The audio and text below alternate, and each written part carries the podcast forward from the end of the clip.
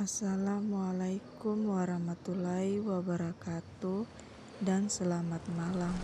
Saya Windy Martinia Raro dari kelas C Prodi PGSD NIM 200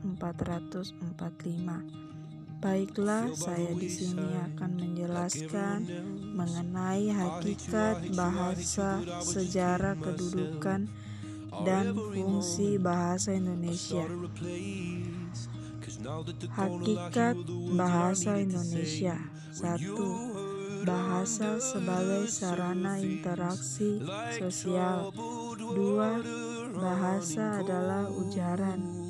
Tiga Bahasa meliputi dua bidang yaitu satu Bunyi yang dilaksanakan oleh alat-alat ucap yaitu getaran yang bersifat fisik yang merangsang alat pendengaran kita.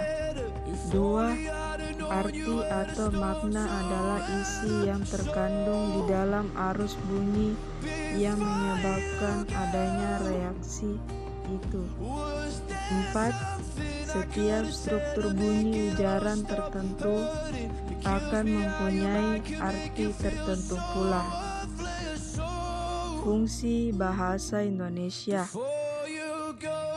Kedudukan bahasa Indonesia sebagai negara yang negara mempunyai fungsi.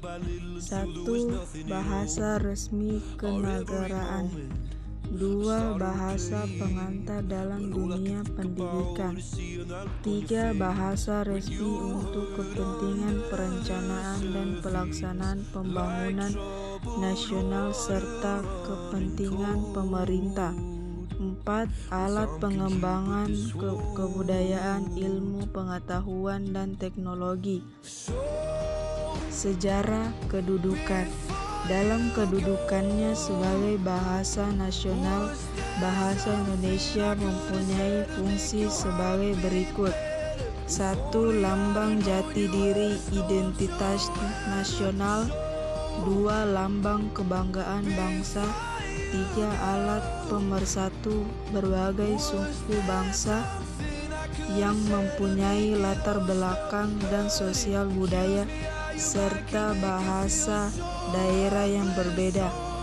Empat alat penghubung antara budaya dan antar daerah. Ini yang dapat saya jelaskan mengenai hakikat bahasa, sejarah kedudukan, dan fungsi bahasa Indonesia. Selamat malam.